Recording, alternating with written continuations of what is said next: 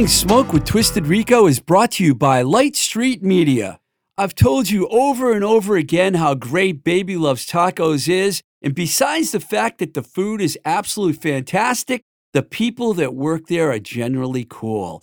They have two wonderful locations in Pittsburgh, the main hub located at 4508 Liberty Avenue in the Bloomfield section of town, and their second location, Baby Loves Tacos, Oakland, located right smack in the middle of the University of Pittsburgh campus. Every college kid needs a burrito or at least two or three tacos a day to help them study, right?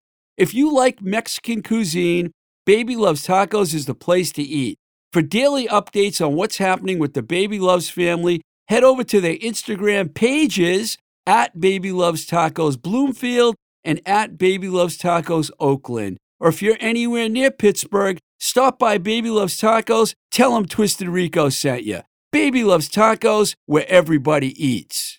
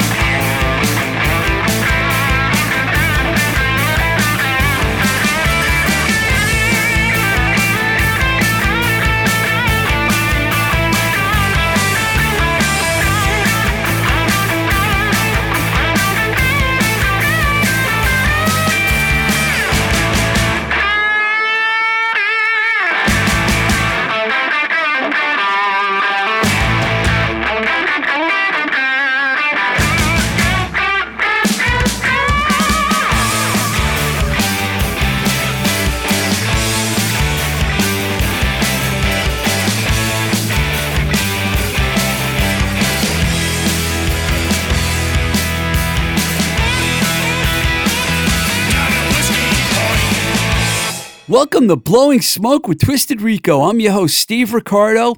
Today we have a couple of guests on the show. Charles Rivers, who has been covering the Boston music scene for a long time as both a writer and a radio host, returns to the show.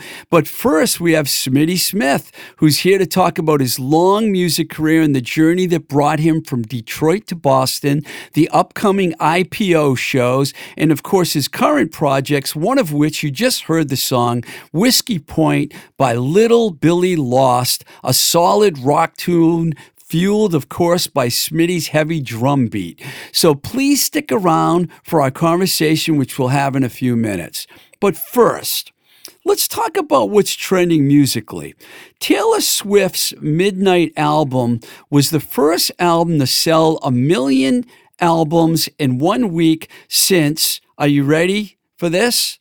She did it in 2017 with her Reputation record. Yes, it's true. Whether you like it or not, Taylor Swift is the most popular and biggest selling artist in the world of pop music.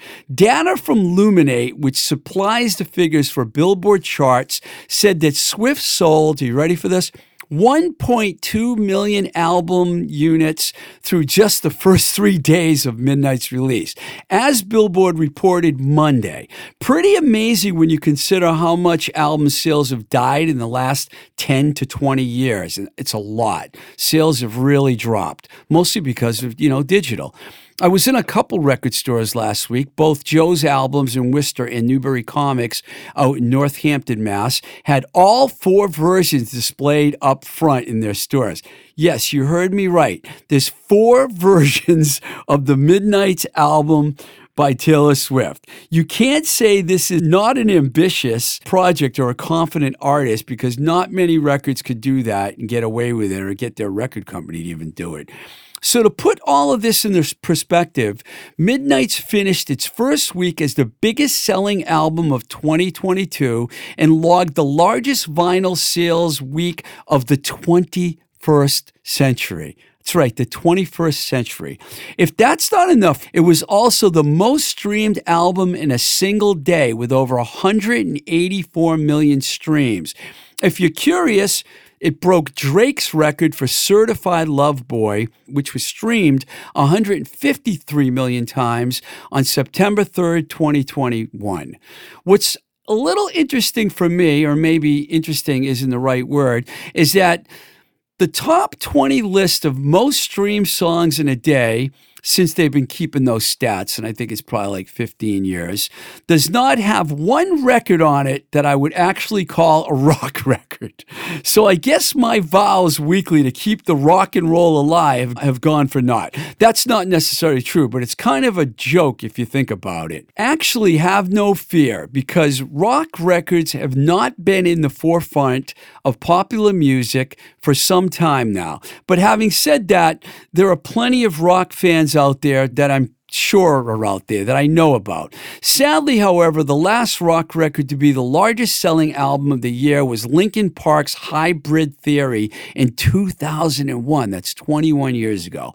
In the 90s, when rock was still very relevant, there weren't really um, that many records that were topping the charts that either, unless you want to count 1996 as Alanis Morissette's Jagged Little Pill or Hootie and the Blowfish Cracked Rear View. I mean, 1995, those aren't really rock records. Things have changed. If you go, you have to go all the way back to the 70s when Fleetwood Mac, Peter Frampton, Elton John, War, and Neil Young all had albums that were top sellers for their respective years. So it's a new world now, ladies and gentlemen, and it belongs to Taylor Swift. Whether you like Taylor or not, she is the biggest and most popular artist in music, and I'll even admit I actually liked her 10 minute version of All Too Well. I bet you didn't think you'd hear me say that, but I did. But that doesn't mean I wouldn't prefer to listen to Queen's Sheer Heart Attack or Stiff Little Fingers Go For It instead. All right, let's listen to our talk now with Smitty Smith. Okay, so Smitty, I know you grew up in Detroit or the Detroit area. And Detroit's been very well represented on this show. I'm just going to tell you a few people that we've had on the show. My good friend Troy Gregory, Mike Skill from the Romantics, the great Alvin Long, Justine Koval, who runs Red on Red Records, and she's in Justine and the Unclean, Anthony Kaczynski, who you know very well because you guys were in a band together. And let me just come right out and tell you, I've always thought that Detroit is one of the best music towns in America. I, I have a hard time saying it's my favorite because people say, but aren't you from Boston? But the Detroit garage rock scene, we'll talk go from the Stooges to the Dirt Bombs to the Paybacks and all in between. I'm just letting you know right now up front, I love Detroit. So welcome. Thank you so very much. Uh, I it's an honor to be here, and uh, really, um, thank you so very much for inviting me. Yeah, it's it's kind of funny. I mean, uh, I moved here in 1985 with Figures on a Beach, and I was born and raised in Detroit. But you know, now that I'm a man of a certain age. I've been in Boston way longer than the time I spent in Detroit, but it is kind of funny all these years later how uh, my Detroit roots just keep coming up. And, and there's some people in Boston who just refer, like uh, Sal Baglio, he like, teases me and calls me Smitty from the Motor City. I like that actually. Well, you know, you're keeping your roots and before we talk about some of the current stuff and, and figures on a beach, you just really recently went back to Detroit and put on a garage rock festival there. Why don't you talk about that for a couple minutes? Well, so the great thing about Detroit is um, your average Detroiter, and I'm not talking about people in the music scene, you know, that's preaching to the choir, but your average Detroiter identifies with the music scene in Detroit. And yes, it, it goes all the way back to the jazz scene in the 40s. But clearly, when Motown uh, came up, that was a real shot in the arm and it got everything running. And then next thing you know, it's the late 60s and you got the MC5 and the Stooges. And then it clicks into the 70s and every artist on the Alice planet. Cooper. Alice Cooper. They knew, yeah, you had to have Detroit in your Yeah. pocket or you weren't happening anywhere. So the legacy for uh, music in Detroit is huge. So then you move to Boston, and of course, of course, Boston has a phenomenal, phenomenal music scene. It really just, it's stellar.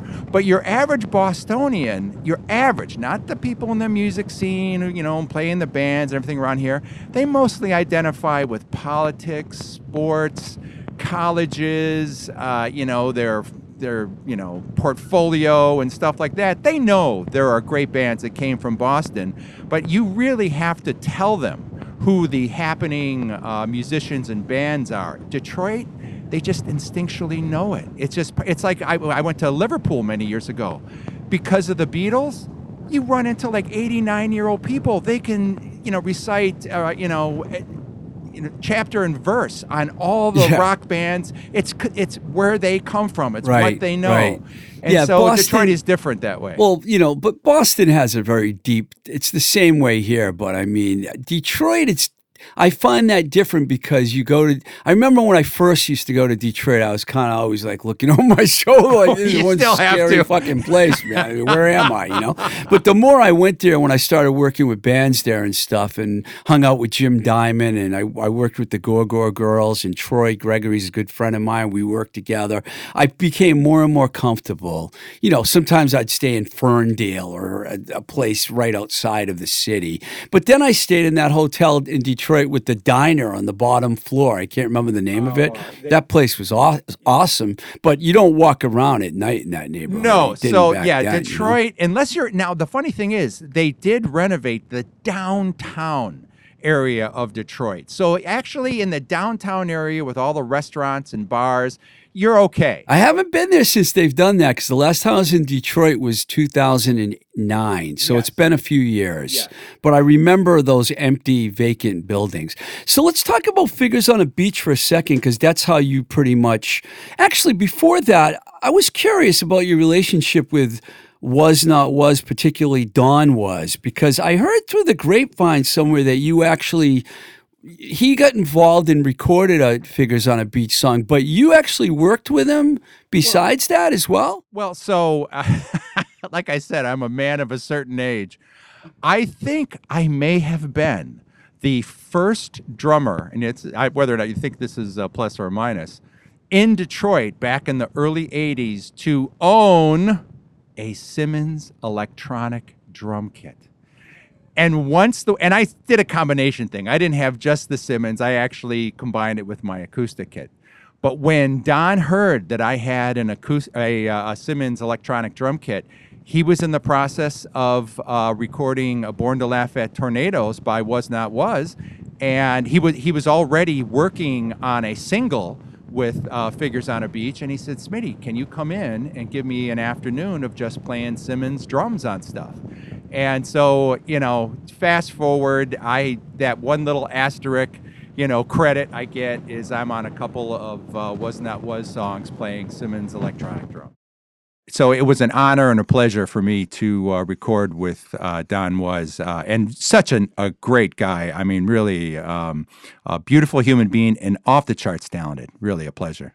I know the whole story about how Figures on a Beach decided to move to Boston because, uh, you know, Anthony Kaczynski was on the show and he told us when you arrived here. How did you how did you feel about being here and com- compared to being in Detroit? Was it a real wake up call for you in terms of the way you were treated and everything? Well, it, you know, it was. Um, we didn't, you know, we didn't know what to expect. To be honest with you, uh, we knew we had to get out of Detroit. We had pretty much done everything we could in Detroit, and it was time to move on. And you know, we for half a second we considered L.A., we considered Chicago, we considered New York. Uh, and the crazy thing about New York is we had done some uh, showcases and some rehearsing there. Rehearsal spots in New York, especially in the mid 80s, oh my God, like jumping through hoops of fire. Uh, you can't leave your stuff overnight. You know, you have to load it in, load it Oh, out. Um, you know, if you can find a place that would let you store your stuff. So safety reasons. Yeah, there are safety about. reasons. So if we had moved to New York, we would be moving our our band equipment, full equipment, in and out every time we wanted to have a rehearsal. And it's a very long story how we decided on Boston, but it, we just said, you know, decided, you know, if we're going to be doing more showcases in New York because there was some interest from Sire Records, why don't we go to Boston. Boston is a much more friendly town to negotiate in terms of rehearsal spaces and living. We still had to have jobs and find work and stuff like that. And while we're there, maybe we can uh, get the Boston music scene excited about Figures on a Beach. Eh. Even even when I mean I know Seymour Stein signed you yeah, guys. yeah. So after we got signed, then we got a little bit more interest. But really, my favorite story about uh, coming here to Boston is so then you know we finally realized that we have to start from scratch because we we went everywhere. We went to the Rat and Chet's and you know TT the Bear, every spot there was in town to try and get a show, and they were all like, "Yeah, you come in on our Monday and Tuesday," uh, you know. And we had already played in front of like between five and fifteen thousand people in Detroit. It's like whatever, we're starting from scratch, you know. It's like we get it. Just throw that stuff, you know, to, uh, aside. Don't even worry about it.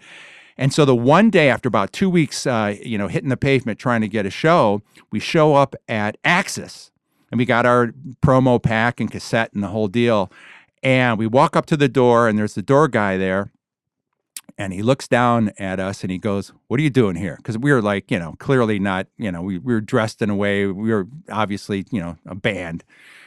And as he opened the door, we could hear that Paul Vigliano, Paul V, the DJ at Axis, was playing a Figures on a Beach song on the dance floor. And the and the uh, uh, the doorman looked at me, and I pointed to the open door, and I said, "You hear that?" He goes, "Yeah, that's our band. really? We came here to get a show." And he just got this big smile on his face. He goes, "Hold on, let me go get somebody." So he went in. Wow. I can't remember That's who we cool talked to. story. Yeah, it's. I mean, talk about timing. Had we showed up and they weren't playing it, oh, back of the line. You know, That's I can't funny help because. Axis is part of House of Blues now. It used Right. to be like it's changed its name. I go all the way back to Spit and Metro, you know. So and then it's Axis and Avalon. I Right. mean, it constantly has been changing, but now it's one big, giant, huge room, House of Blues. That's a, that's amazing. So you're involved in a bunch of new stuff now. We could go through yeah, tons of things, but let's just fast forward here because I wanted you contacted me because you're playing the IPO festival, which I'm happy to hear is still going on. It's been going on for years, Right. And it's coming to Boston between November 16th and 19th, and you have two bands playing. yes. So, um, you know, we were trying. So, long story long, uh, Smitty Smitty and the Festones is made up of musicians from bands all over the Boston area. So, long story long, it's tough for us to find a free weekend night where everybody's available. Uh, you know, Because they're in other bands. and other bands. So as it turned out, it it looked like the only opportunity Smitty Smitty and the Festones had to perform for the end of uh, 2022 was to play the International Pop Overthrow IPO Boston that David Bash puts Yeah. on every year For years. and uh, he did the first one after COVID last year. It was he just it was a struggle to find a place, but this is kind of like the uh, full throated version. And uh, he the first three nights, the 16th, 17th, and 18th, are all going to be at Union Tavern in uh, Somerville. How about like right across the street from where we're sitting right now? Because that's where it is. It's right, exactly. Right across the street. And then the last night, the uh, Saturday night, the uh, November 19th, it's going to be at um, uh, The Midway, Cafe. Yeah, that's So- in Boston, Jamaica Plain neighborhood. So you should go to every single night, but the highlight for me, anyways, is the very first night that they're doing it at Union Tavern. Smitty, Smitty, and the Fez Tones will be playing our last show of 2022 uh, for that one, and then a Little Billy Lost to is going to be playing at the Midway Cafe on Saturday, uh, November 19th. So, but I mean, they're great shows every single night, and I'm really excited and looking forward to it. And David Bash, wonderful person, love that guy. Tell me the difference between these two bands in your opinion that you're in. I know you play drums in both bands. well, I, in the recording studio, uh, I play with Smitty Smitty, but I have uh, Mike Joshua uh, actually playing drums in this version of uh, Smitty Smitty and the Festones. So, you know, th- th- they both rock. Um, Little Billy Lost is more of a power rock quartet. I mean, when you have someone like uh, Fred Pinot, the Atlantics, oh yeah. uh, in the band, and uh, Jim Mellinson and Patrick Moynihan. The band is definitely um, uh, more of a uh, full-throated rock and roll band. The, the track Whiskey Point that we played at the beginning of the show here. Where, where'd you record that one? That one we did with David Minehan at uh, Woolly, Woolly Mammoth, Mammoth. Studios. Yeah, Wow. he's phenomenal. So Smitty Smitty and the Festones, you know, it, it's tough to talk about your own band, your own music, but I would have to say, you know, a little bit more art rock. Uh, you know, I not that I'm saying that we're a direct relationship to like Sparks or uh, Roxy Music, but definitely a little bit more of an arty thing. But then the other uh, kind of cool thing is, is I, you know, my Detroit sensibility uh, growing up, you know, it's mixed in there. So we have fun.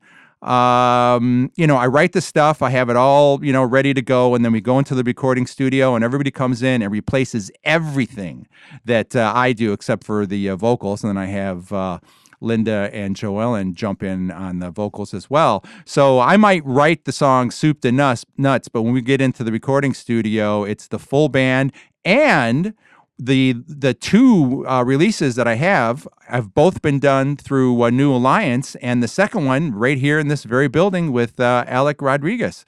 So, oh, he's yeah. one of the best. Oh, he is the best. yeah, I guess he went on the road with uh, Sharon Van Etten and Angel Olsen. And He's on. He's he's probably. You would think it's 50-50. I mean, it's probably when you look at the the grand scheme, it is 50-50, But he does a lot of road work. That's a pretty big difference working with Alec Rodriguez and Dave Minehan. Absolutely. They're by both design, great though. guys, by the by design. You know, Alec is more uh, artful and uh, retrospective in terms. I mean, he questioned everything when I was in there. Smitty, why don't you do this? It's like, all right, tell me your thinking. And I, almost always I agreed with him, you know, because he, he just comes from a, a great place.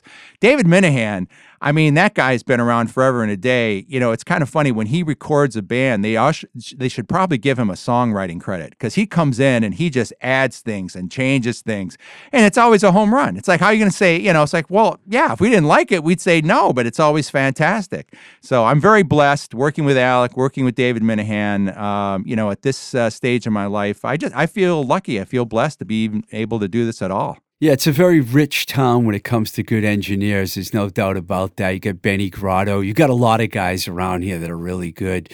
Um, my only experience in your hometown is Jim Diamond, who Yeah. I regard as probably one of the best. Easily. As far, I mean, he, he recorded the first two White Stripes records, and those things are masterpieces. So Absolutely. And then I worked with, I got to work with him on the Charms, the Gore Gore Girls, the Love Me Nots, and you can't go wrong with him.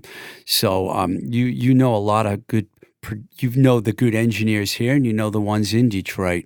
So We've been very, very lucky, and as you know, uh, an, a a really top notch producer and engineer makes all the difference in the world. I mean, it, yeah, you can do stuff on the cheap, and even people who do excellent jobs on home recording. When you get somebody of any kind of caliber who, who really knows the difference between uh, shizzle and shinola, it really it just it it, it takes the uh, whole project up at least uh, two three five steps on the ladder. And so uh, alec does that and clearly david minehan does that as well. Well, um, congratulations on these shows you got coming up with IPO. I know there'll be a lot of people at all their shows because there usually is. And, you know, good luck to you, man, in the future and everything. It seems like you, you got a lot of things on your well going on. may i mention the providence show Absolutely. You can mention any one of your all right shows i'm going to mention like. two more uh, maybe even a third one, but uh, so the, the uh, a, a, uh opportunity came up a few weeks ago, actually probably about a month now, where we were asked to open up for the Dictators in uh, Providence, Rhode Island, at a club down there called Alchemy, and that's coming up. Big, on- nice room. Oh, it's a, I you know it just you know be I've never in these two bands I haven't taken anybody to Rhode Island yet, so this will be my first time playing in Rhode Island. Um and uh, uh, so that and that show, what's kind of funny, the the band we're opening up for is the Dictators, and the show is on November eighth, voting day. so it's like the irony on that one is brilliant, you know. Yeah, well, you know, the dictators, you know, uh, the controversy aside, you know, they're one of the original New York, like big garage rock punk bands. you know. Exactly. they go way back. So that's cool. What other shows did you have coming up? Well, so then uh, after that, so uh, Dictators in uh, at Alchemy is the first one on the calendar, November 8th. Then we've got the IPO between the 16th and the 19th. And then the next one after that, we're doing a big holiday show at the Magic Room in Norwood with the Diablogato, the Shanghai Lows, Muck and the Mires, Ooh. and Little Billy Lost. Yeah, big show. Good uh, one. at uh, Magic Room Saturday, December 10th, and we're doing it in conjunction with Toys for Tots. It's their 75th uh, anniversary, and you're love encouraged benefits. to bring toys. I love benefits. Yeah, so uh, just bring a toy. That's the that's what we're asking for. Bring a toy. And so we're really looking forward to that. And that's going to be, uh, be a big one. That's going to be the last show of uh, 2022 for any of the bands I'm in. And the only other thing I have going on is uh, I was asked by Joel uh, Simches to be a guest host for On the Town with Mikey D the last Legendary Wednesday. show. There you go. And, uh, on uh, the, the uh, I think it's November 30th, uh, the last Wednesday of November. WMFO You got it. 91.5. If you, you can get it on the internet, you can listen on the internet. Really looking forward to that because uh, it all has to be like local and New England bands. Uh, you know, I, I asked Joel, so you know, in honor of Mikey D, who was a big fan of the bands I've been in in the past. I know this is local. You know, give me your take on if I, uh, you know, bent the rules a little bit and, and played some of my Detroit buddies. He's like, nah, this is this is local. It's like, fine, I'm fine. This is all going to be. So I, you know, I it's all it's a Little it- Boston Eh, attitude. You know, well, 85, you know, I actually was on the scene with a lot of these great bands. So I am going to do a deep dive and uh, find a lot of uh, bands from that time frame. And then obviously between then and now, you know, I've got way beyond. I, I've got, got to fill up uh, three and a half hours because half an hour is going to be a live band. Uh, beyond Cool. enough material. And uh, it's going to be me you know, I don't know if you're picking up on it here, but I'm not really a shrinking violet. So the the you know the, you get used to like a lot of uh, DJs. Oh, you're listening to this station, and here's the caller, and that what it that is so not me. I'm shot out of a cannon. I'm more like that guy in uh, the film. Uh, um, what is it? Uh, oh, uh, Vanishing Point. The the the, uh, the DJ in that where it's like you know you're listening to Smitty Smitty you know it's just like so it'll probably be my first and maybe the last time I do a DJ job. Thanks a lot, man, for coming down and uh, Good luck in the future, man. Well, thank you so very much. This really was a privilege and an honor, and uh, you know, hope to see you out there in uh, Music Land. Rock and roll. All right. Hello, ladies and gentlemen. Let me introduce you to Spectacle, the ultimate eyewear experience. Located in Boston's historic South End neighborhood, Spectacle offers four season style service at Red Roof Inn prices. Join proprietor Paul Fox, the rock star himself, as he guides you through a carefully curated collection of logo free frames, all at under prices. Visit Spectacle, the ultimate eyewear experience. Well, it's always good to have Charles Rivers in the room. I mean, I know we've done this a couple times. I think the last time we did it, we had our Wilco versus Sun- Son Volt uh, discussion. And by the way, I'm still on the Son Volt Yeah, I know know, you bandwagon. I Uh-huh. haven't got off of that yet. All right. I bet you're still on the Wilco bandwagon. I'm not on their bandwagon. I like them, but I'm not, I haven't followed them maybe in five or six years. You know, like I don't know. If they, they have a new record that came out not too long ago, right? yeah, yeah. Yeah, I mean, you know how I feel. I've told you. I mean, I love that film, the film that was made about them, but um, I don't know. I'm not completely crazy about them. I mean, as far as like you know, you know, country music, you know, is, is that the is that the debate? that. between those two? Well, Son Volt to me is a little, you know, Jay Farrar's voice, man, is way better than uh, Jeff Tweedy's voice. I think so, anyway. Eh, But that's not why- Pepsi. That's not why you're here. We already Right, I- did yeah, that. and we don't wanna talk already about that. Did that? Yeah. You're here because you sent me some observations about the live music scene that's currently going on in Boston, and I, I invited you to come on and talk about that because I think your observations are really good, and I think people need to hear it. And you did seem a little irritated. By you know, I, I mean, you I don't you can't really see a person's face when they're sending you a text message, but When you know them, maybe you yeah, can. you I, know? I, I, I know you pretty Yeah. well. We've known each other for over 20 years now. I think you used to you used to wait on me at a cafe up in uh, Teele Square. oh yeah, I did. Yeah, yeah, yeah.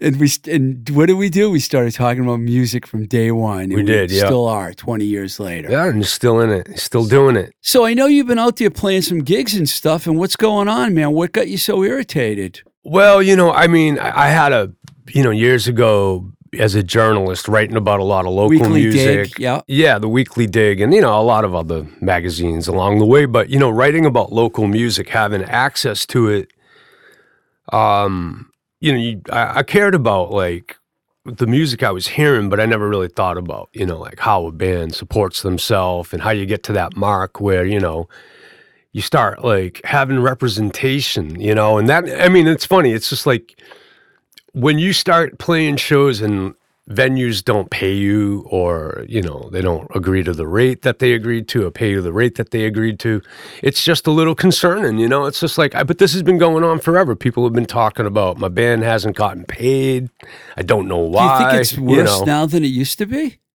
I don't. I, well, that's the problem. I mean, I'm just like coming back and playing music, for, you know, over the last ten years. So like, I don't think I was striving to pay other musicians. You know, I've been playing in a band with like six other musicians that I have to pay. Oh. So when you got to do that, it's not really like you're showing up to the gig and just saying, you know, getting your cut. It's like, well, I got to pay these guys, and it become it becomes business. You know. And uh, and, and irritated. I mean, did certain i mean I, I i imagine you don't want to mention any clubs No, but I don't think did you like that. actually have you had guarantees you played the gig you went to get your money and they said we don't have your money That was uh, that was at one particular club up in Salem. It's as far as I'll go, um, and um, it was an outdoor venue. Um, they agreed to a rate on three occasions, and we had played there quite can, a we, bit. can i ask you what band it was playing with the band Suspicious Minds and Okay, Elvis. yes i know the band you know, um, playing Elvis music. okay you know, um, it's a project that I started before the pandemic and kind of lingered through it. And, uh, you know, it, it, it was fun, you know, it's a big band though. It's six, six members, three hours of music. So you had a deal with them Yeah. club. Yeah. Well, I had a deal with them and then, um, you know, we agreed to a certain rate. And then what came about is when you go to pick the check up, it's half of what they said. So, you know, I'm not in a place as a business. I'm not running a business. This band isn't a business. So it's like I've been bitching and complaining for weeks about, oh well, I'm not getting paid. Well, and, well, well you know, when you when you when you went to get paid and they paid you, did you say this is not what we agreed upon? I did. I, I pushed back, and then you know they eventually wrote another check, but not the second time. So I don't know. It's just frustrating when you're playing in, when you're playing in a band and you want to actually, you know, like I said, pay the members of your band. You know, you're working hard. This is why you're doing it. Money's not everything, but it certainly is a very important aspect of keeping it together. For some bands, it is. You know, as you know, I managed many bands Right, over right. the years, and I often booked all the shows. So Mm-hmm. that's really important to me. Getting stiffed by a club or not getting what you agree to is not Right. a good thing. Now I know the thing is, it's. I don't think it's. I don't think it's this deliberate. Like I'm gonna not pay this band. I'm gonna stick it to this band. I think it's a lot. There's a lot of different models that booking agents and clubs, venues, whatever, have in place for them to make money themselves and to be able to pay the band. Um, it's a lot of reliance on who's coming in the door.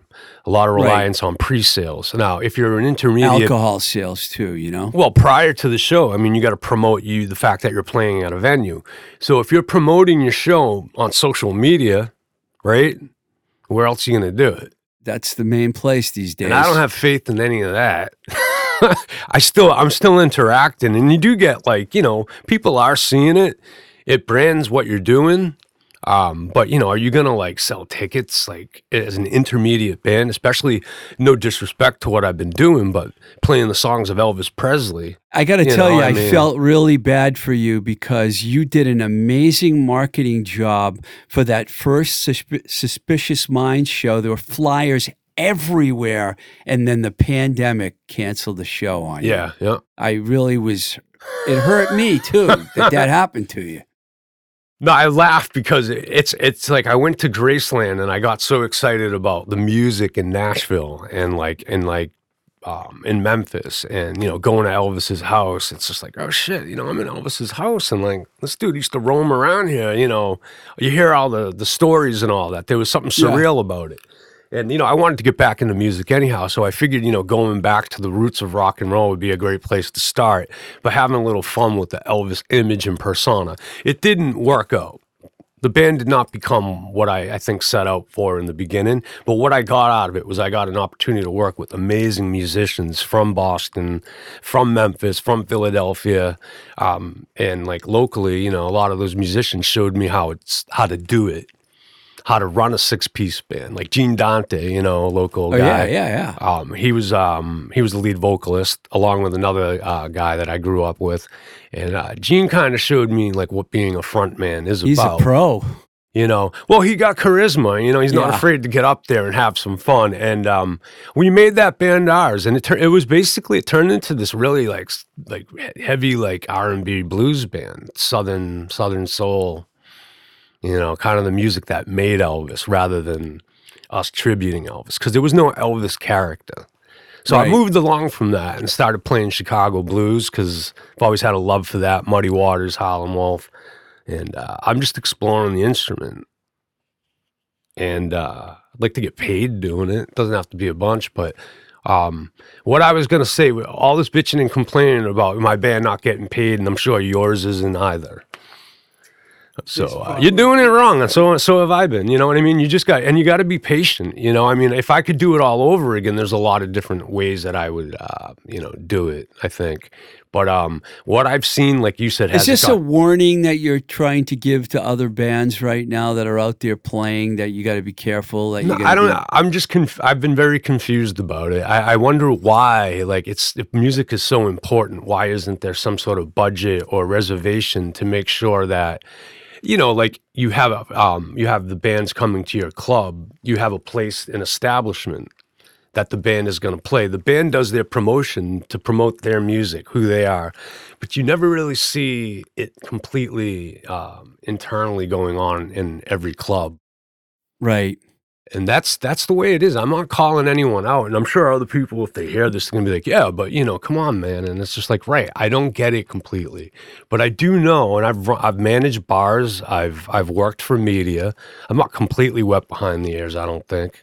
No, you've been around the scene for a long time, so you have every right to bring this up. Otherwise, Yeah, I wouldn't yeah. have told you to come down here and Well, I mean, you know, it. to really sit here in like a small amount of time and get my thoughts together, it's tough. I haven't done this in a while. Sat in front of a microphone But you used to do this a lot. every week, yeah.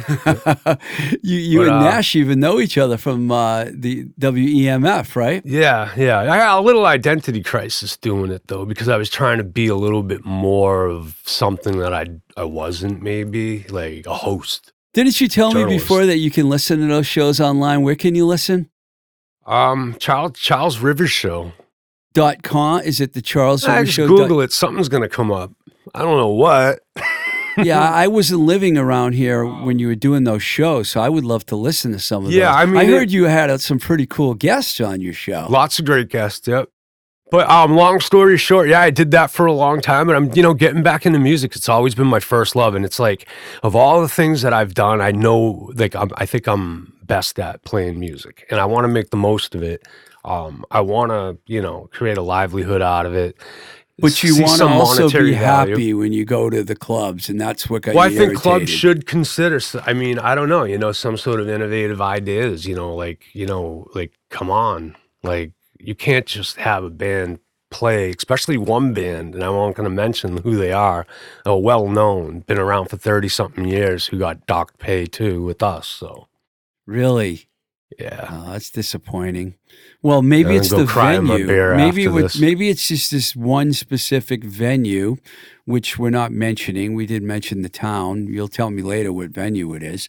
And I hate to hear that. I know when I managed bands and I booked shows, that's the last thing that I wanted to hear is we didn't get paid because that is like just a road to hell. that's the question. Is that okay? it's not. Maybe okay. it is. I don't know. Maybe It's I'm. not maybe okay. maybe I didn't work hard enough to sell tickets uh, to an intermediate Elvis show on a Sunday night. A club should not say they're giving you a guarantee. They should say they're, that it's a door deal. They should not say they're giving you a guarantee and then not give you the guarantee. right. So I pl- I don't blame you for being pissed off one quickly bit. though, quickly, and let's and from a humble standpoint, is that you know for a lot of bands that you work with, is there there is some period though that you got to go to cut your teeth and take a Yeah, cup, well, I mean- in the nuts. Oh, you know, I'm, I'll just use the Charms as an example, a band that I managed for a long time, and I'll use them as an example because they have seven records out. So we actually, they actually went from this to that.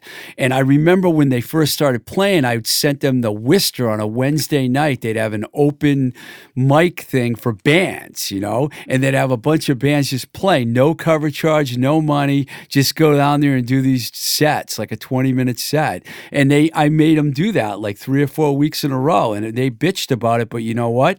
It helped them build an audience. Next thing you know, they were starting to get paid. Yeah, you know? yeah. So you do have to pay your dues at the Yeah, I mean, that's written- not I what we're talking about. Yeah, no, though. I know. Yeah, We're talking yeah. about established bands going to venues, doing a show, and not getting the guarantee, Mhm. which is bullshit, Thank you, basically. thank you very much. All right. So, um, is there anything else going on with you since you have a microphone in front of you they want to talk about, or you just oh no, no, I mean, you're just- always invited to come on my show? thank you very much. Always. No, I miss I miss doing this. I've considered maybe getting back, you know, into interviewing again. It was fun, or, or just having conversations with cool people.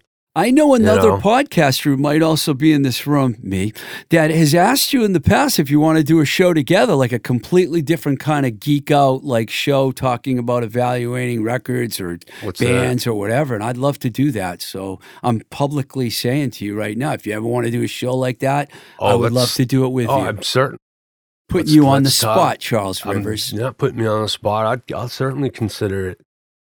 Cool, man. Well, thanks for coming down. Yeah, no, thanks for having me. Sorry I had to come by and bitch about a few things, but uh, I love how you let's bitch. start thinking about maybe, uh, I don't know, taking care of some people, musicians. and I'm all for that. You know how much I love vinyl and going to record stores. Well, my favorite stop these days is Joe's Albums. Joe has two fantastic locations the original store at 317 Main Street in Worcester, Mass., and their newer stop out in the hipster college town of Northampton at 5 Market Street.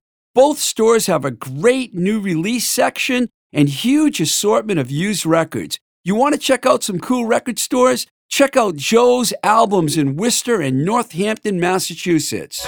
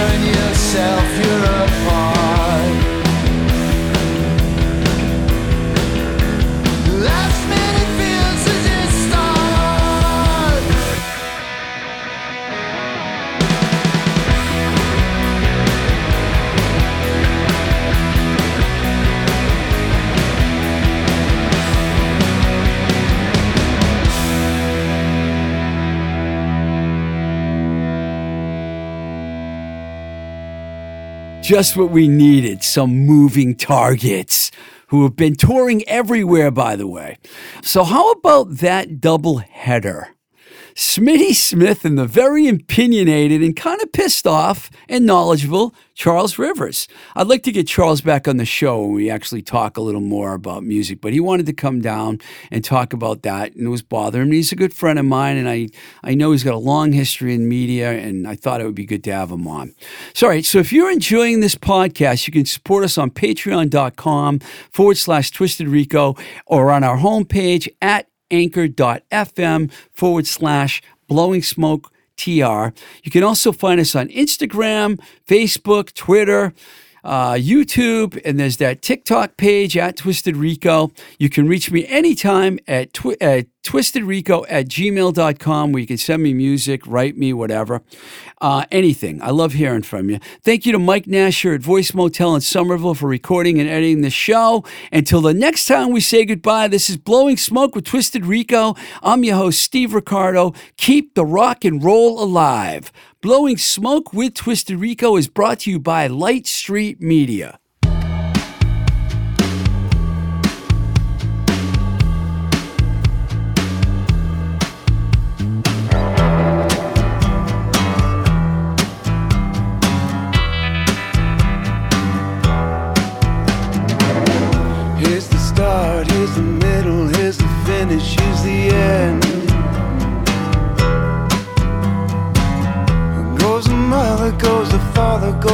Wife, stays the friend. Got a bunch of cigarette burns in the back of my head. Bunch of cigarette burns in the words I've said. If I die tonight, hold the hand inside and know that I was never meant for a normal life. Voice is recorded at Voice Motel, voicemotel.com, your complete podcast recording experience, located in Union Square, Somerville, Massachusetts.